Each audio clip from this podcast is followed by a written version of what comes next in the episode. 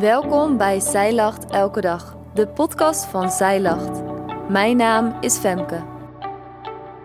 Dit is de overdenking van 22 januari, geschreven door schrijfster Mandy Wittekoek.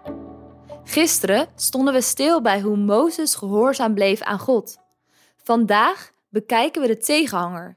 We lezen over het volk Israël, hoe zij ongehoorzaam waren aan God.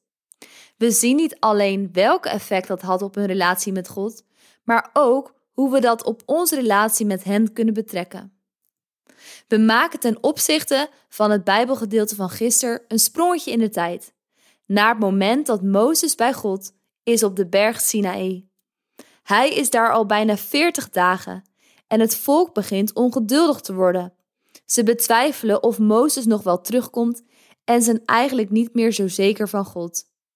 In Exodus 32, vers 1 staat: Toen het volk zag dat het lang duurde voor Mozes van de berg afdaalde, kwam het volk bijeen bij Aaron. En ze zeiden tegen hem: Sta op, maak voor ons goden die voor ons uitgaan. Want die Mozes, de man die ons uit het land Egypte geleid heeft, wij weten niet wat er met hem gebeurd is.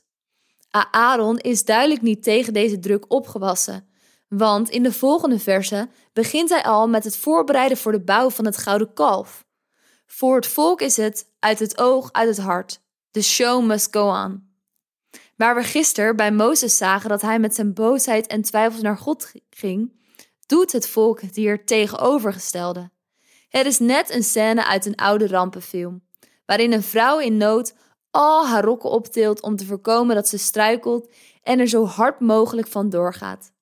De Israëlieten tillen iedere onzekerheid als een kledinglaag op en stippelen op een andere koers uit. Razendsnel richten ze zich op iets anders, waarvan ze denken dat het wel naar hen omziet: het gouden kalf. De gevolgen zijn niet te overzien. Zodra Mozes van de berg afdaalt en ziet wat er gebeurt, wordt hij woedend. De ramp eindigt met dat Mozes de Levieten opdraagt het kamp door te kruisen en iedereen te doden die niet voor God kiest. En uiteindelijk sterven er op die dag ongeveer 3000 man.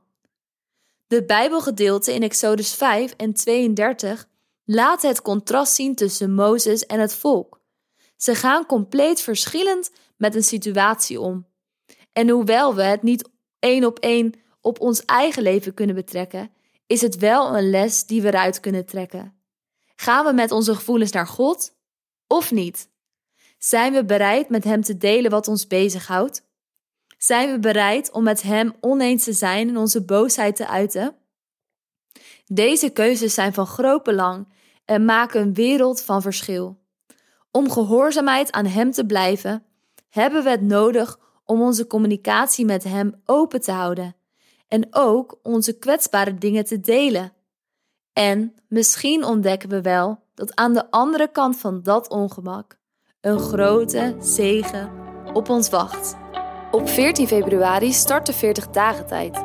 In dit leesplan, Feest van Bevrijding, volg je de Israëlieten in hun reis door de woestijn van slavernij naar vrijheid.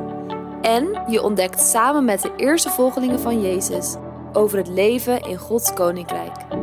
Wil jij meer toeleven naar Pasen? Bestel dan dit 40 dagen tijd leesplan via onze webshop. Dankjewel dat jij hebt geluisterd naar de overdenking van vandaag. Wil je de overdenking nalezen? Check dan onze website. Je vindt er ook meer toffe dingen die jou helpen om de Bijbel vaker te openen, zoals boeken, Bijbels, cursussen en evenementen. Morgen ben ik weer bij je terug met een nieuwe overdenking. Tot dan!